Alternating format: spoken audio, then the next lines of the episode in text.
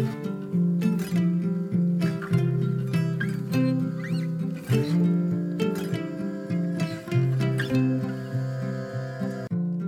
och välkommen till For Health med Anna Sparre. Idag ska vi prata med populära Anna Hallén om mättnadshormonet leptin och hur man kan optimera det med kosten. Lymfa och lymfsystemet som också nämns här, det pratar vi mer om i nästa avsnitt. Tack för fantastiska sponsorer som får podden att överleva. Hos vår sponsor Nytoteket kan du köpa bland annat kollagen, MCT-olja och bärpulver med äkta C-vitamin och andra nyttigheter. Allt är av absolut högsta kvalitet och helt utan onödiga tillsatser. Med koden SPARRE15 får du just nu 15% rabatt på hela sortimentet på nyttoteket.se. Och ett stort tack till Biohacking Collective som gör snygga, effektiva blåljusblockerande glasögon. I dagens samhälle spenderar vi allt mer tid framför skärmar och i annat onaturligt ljus. Vi utsätts för en för stor del blått ljus.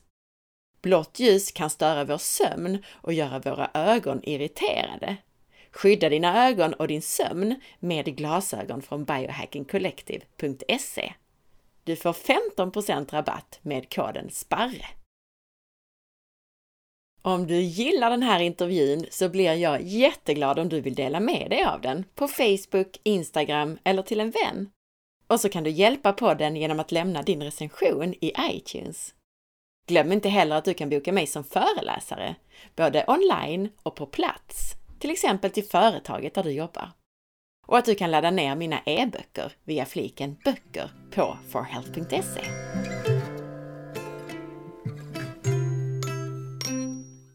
Här kommer vi alltså att prata om att optimera mättnadshormonet leptin. Eftersom vi slänger oss med lite olika hormoner här så vill jag bara börja med ett kort intro till detta. Hormoner är ju en slags budbärare kan man säga, i form av ämnen som utsöndras från olika körtlar och organ i kroppen, för att tala om för kroppens celler vad de ska göra. Insulin, det är hormonet som stimuleras av ett högt blodsocker. Kolhydrater är det som i huvudsak blir blodsocker i kroppen. När du äter en kolhydratrik måltid och därmed får ett förhöjt blodsocker så skickar kroppen ut insulin. Insulinet det är en signal till cellerna om att blodsockret är högt och det stimulerar inlagring. Leptin det är hormonet som utsöndras från fettvävnaden och stimuleras av att du går upp i vikt. Enkelt sagt, lägger du på dig ett kilo så utsöndras mer leptin. Leptin det är en signal till cellerna om att det finns gott om lagrad energi, vilket gör att du känner dig mätt och får lättare att förbränna fett från dina fettdepåer. Sköldkörteln, den har vi gjort flera avsnitt om tidigare, så kolla gärna i podcastregistret på forhealth.se för att hitta avsnitt om just sköldkörteln. Men kort sagt, sköldkörteln är en hormonproducerande körtel lokaliserad i halsen. Sköldkörtelns hormoner går ut i blodet och påverkar ämnesomsättningen. Många har hört om och kanske till och med fått mäta hormonerna T3 och T4 från sköldkörteln och även TSH, det hormon som utsöndras från hjärnan för att påverka sköldkörteln.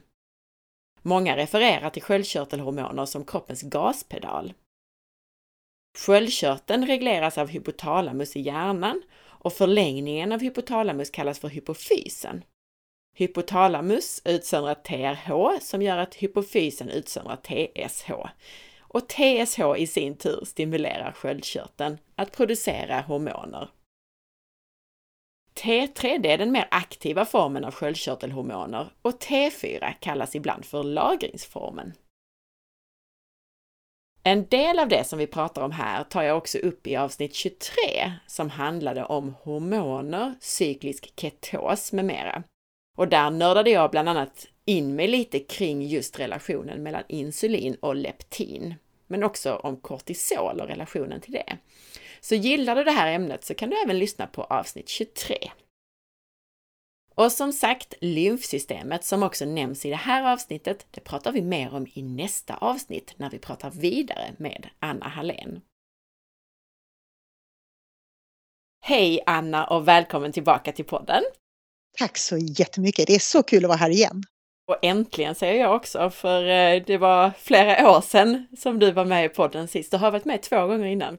88 och 29 har jag letat fram att det var de avsnitten. så det måste vara många år sedan. Hur har du haft det sedan sist? Eh, ja, det har hänt massor med saker. Eh, jag har ju jobbat med hälsa nu sedan, vad blir det, 2005. Men då har jag hela tiden varit fokuserad på det här med vikt och med träning och med stress. Och sen så har jag genom ålder och klimakterie och faktiskt en klantig amalgamsanering testat på det här med lymfsystemet.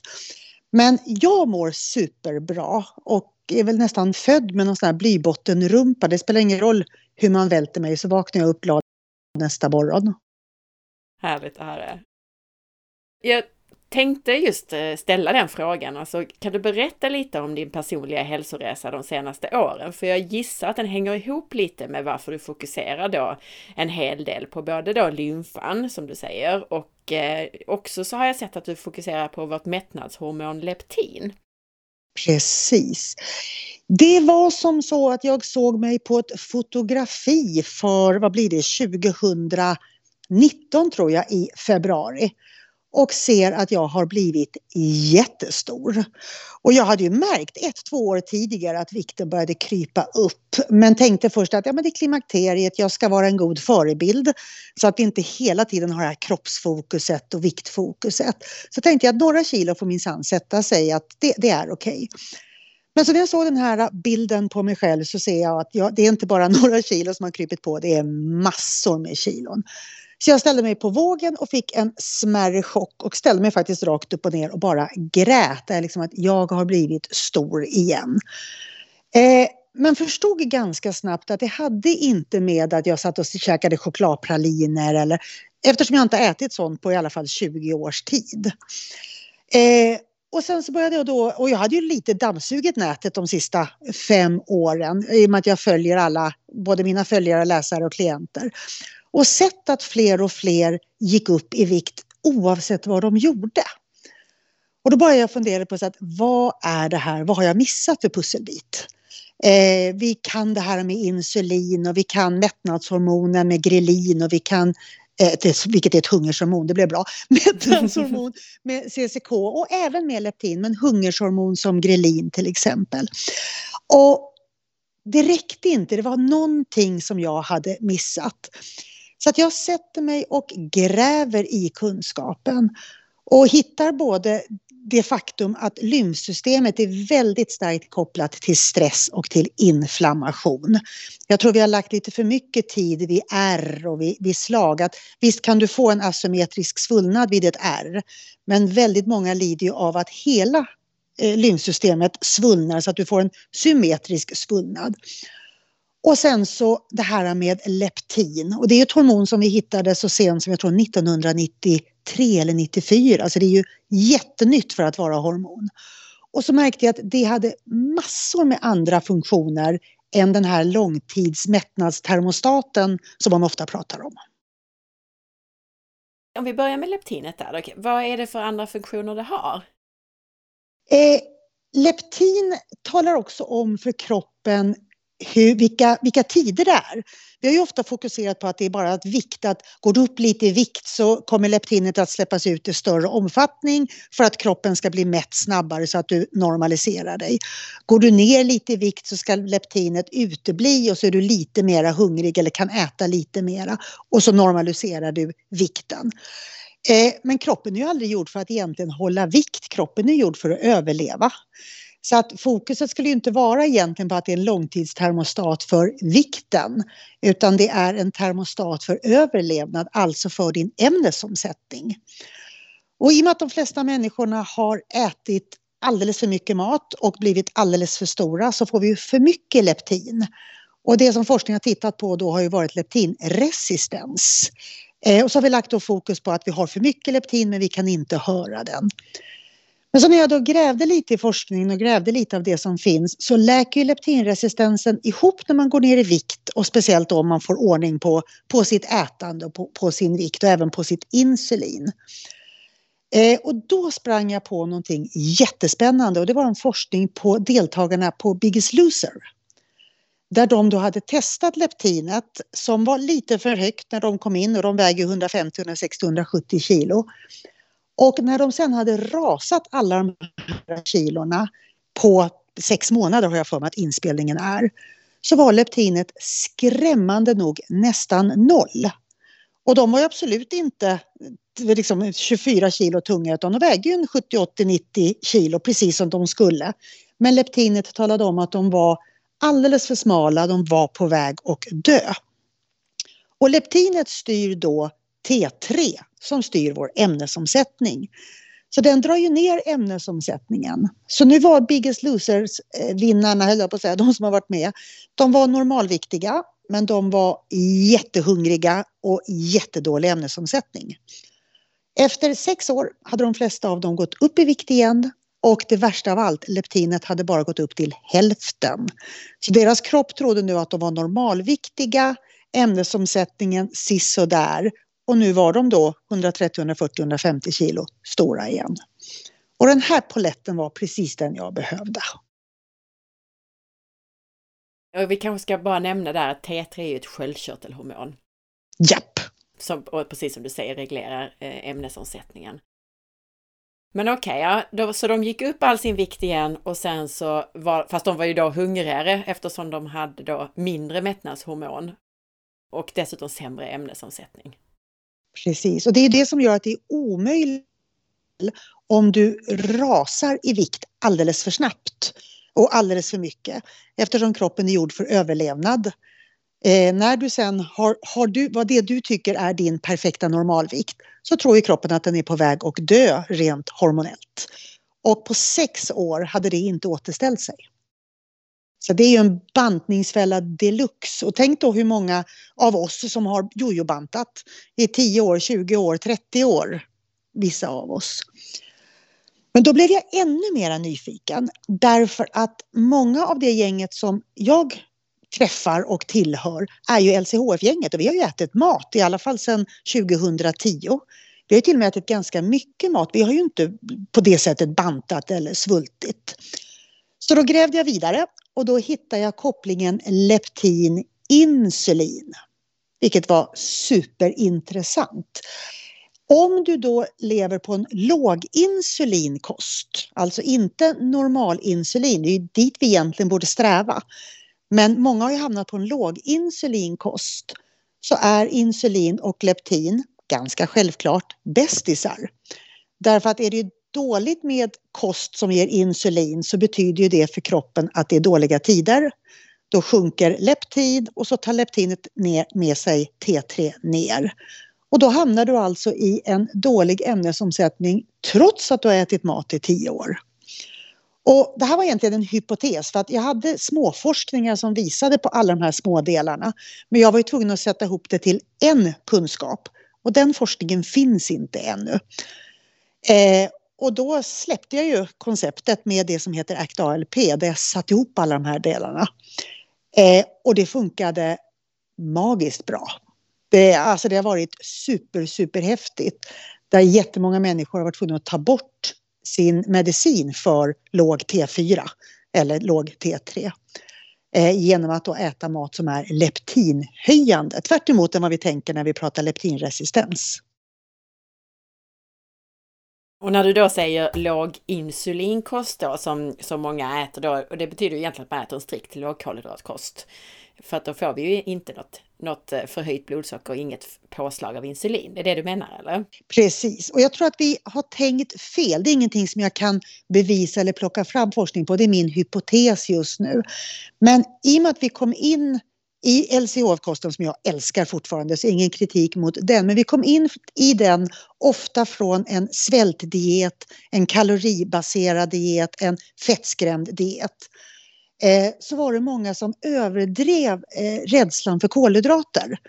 Så istället för att vi, kanske vi, det kanske var bra i början, för man behöver nog eh, reparera de skadorna som faktiskt eh, fanns från 90-talets eh, alla riskakor och knäckebröd och allt vad vi åt för något. Men efter att man hade gjort kuren att reparera insulinresistensen och kuren att få kroppen i balans så borde vi nog gå tillbaka till en normal insulinkost. Alltså inte högt svajande blodsocker, absolut inte mackor och pasta. Men med grönsaker, rotfrukter, lite mera bredd på eh, kolhydraterna. Jag brukar säga det att vem blev tjock av en morot? Det sa jag redan på LCHF-tiden. Men det blev, det blev en för stor skräck som att kolhydraterna var ohälsosamma. Precis, jag instämmer helt. Och det har jag också märkt att det är väldigt många som har mått bra av det här med att man cyklar in eh, kolhydrater lite grann så man får ett litet insulinpåslag antingen någon gång om dagen eller någon gång i veckan att man cyklar in lite mer kolhydrater så att insulinet kommer igång lite grann.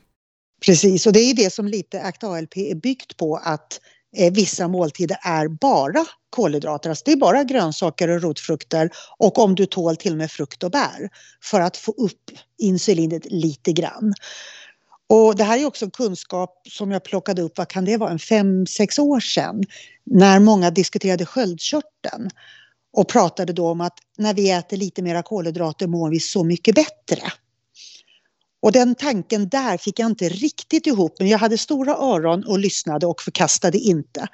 Men det blir ju ganska självklart nu att kan vi då få upp insulinet lite så får vi upp leptinet och leptinet höjer direkt T3 och T4 och då kommer energin, livsglädjen och ämnesomsättningen tillbaka.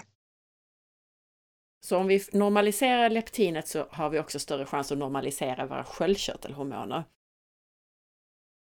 Har du några konkreta tips då för hur vi gör för att normalisera vårt leptin? Hur kan man göra? Ja, det första tror jag är att man verkligen hittar en lugn lågkolhydratskost så att man inte går in med den här kunskapen och är leptinresistent. Så att man börjar i rätt del. Att har du väldigt stor övervikt så kanske det är att hålla nere kolhydraterna under en period och få ner några kilon. Men inte någon hetsvariant och ingen bantningsvariant. Men sen att balansera dem. Det finns två hypoteser. Där hittar jag faktiskt inte heller någon forskning utan bara hypoteser. Men de låter rimliga och de verkar fungera i verkligheten. Och den ena hypotesen är att vi ska äta en ordentlig måltid till frukost baserad både på proteiner och på grönsaker och rotfrukter. För när vi startar upp på morgonen så talar vi om för kroppen det är goda tider, du vågar elda för kråkorna. Och då så startar kroppen upp den här eh, hormonella kedjan så att säga, både leptin och T3. Att vi verkligen kan ösa på ämnesomsättningen. För ämnesomsättningen är ju alla våra motorer och processer i våran kropp. Många tänker på ämnesomsättning som viktminskning och som fettförbränning. Men det är ju en helt annan funktion egentligen. Och sen den andra hypotesen är att man äter mycket kolhydrater till kvällsmålet därför att leptinet ökar tydligen mest under nattetid. Och som sagt att jag säger tydligen det är för att forskningen är väldigt begränsad eh, eftersom hormonet är så pass nytt. Och den mesta av forskningen har varit på leptinresistens. Man trodde att man skulle liksom lösa eh, fetmaproblematiken om man eh, stoppade i folk leptin, vilket inte alls funkade. Men som sagt, så att mycket kolhydrater på kvällen och då är det fortfarande bara hälsosamma kolhydrater jag pratar om. Jag pratar inte om en stor macka eller ett lass med pasta. Utan rotfrukter, råkost, eh, frukt och bär om du tål och inte är sockerberoende eller får cravings av det. Grönsaker i massor. Så vi pratar ju fortfarande, kanske ska förtydliga det, det är ju jämfört med en standard västerländsk kost så är detta fortfarande lågkolhydratkost, men vi pratar lite mer liberal lågkolhydratkost. Stämmer, och fortfarande artegen kost där vi väljer mat som, som människan är gjord för. Så att vi har ju inte processad mat och inte massa socker och inte hittepåprodukter utan ja, helt vanliga animaliska proteiner, vegetabilier, naturliga fetter. Precis, det är ju vad de flesta brukar kalla en paleokost. Och sen så då att man justerar den över dygnet på ett smart sätt kan man säga. Yes! Mm. Ja. Vad bra, det, det, stämmer, för jag har alltid sagt att det är bra att lägga sina kolhydrater lite mer åt kvällen till. Och lite kopplat till också att man, att man inte ska få kortisolpåslag och så.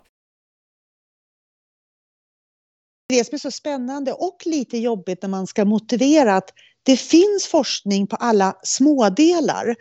Men det blir som att man får plocka ihop forskningspusselbitar och sen när man ska lägga pusslet så kommer alltid frågan, har jag valt rätt pusselbit? Har jag satt ramen korrekt? Eh, vilken pusselbit ska vara i mitten och ha liksom störst fokus? Så att ibland, så det finns forskning på alla smådelar men det finns inte forskning på helheten och det är ganska frustrerande.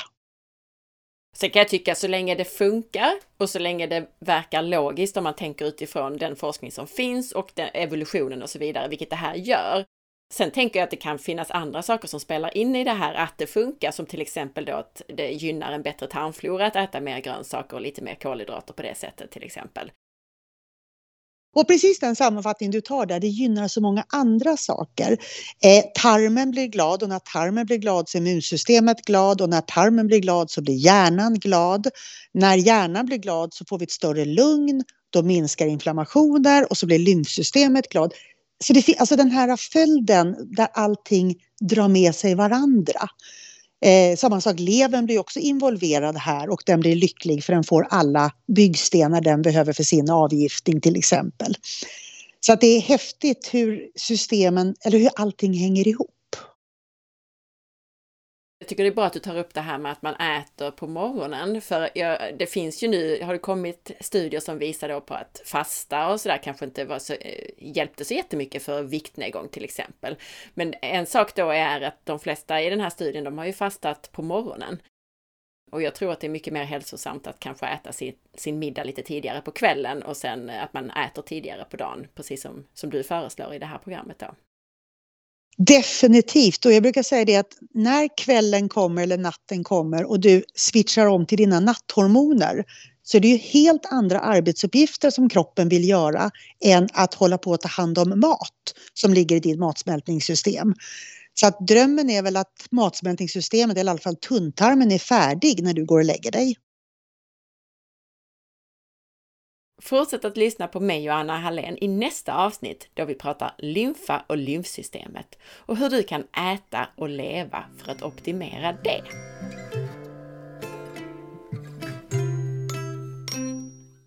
Tack för att du lyssnade! Jag hoppas att du gillade avsnittet.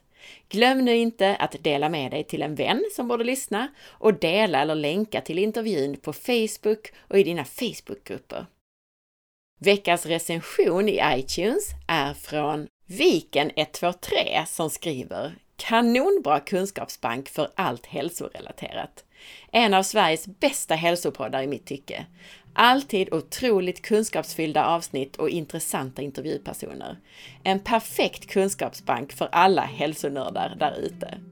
Tack för allt ditt engagemang, Anna. Tusen tack! Missa nu inte att följa med på facebook.com forhealth.se och på Instagram via asparre. Ha en underbar dag! Vi hörs snart igen. Hejdå!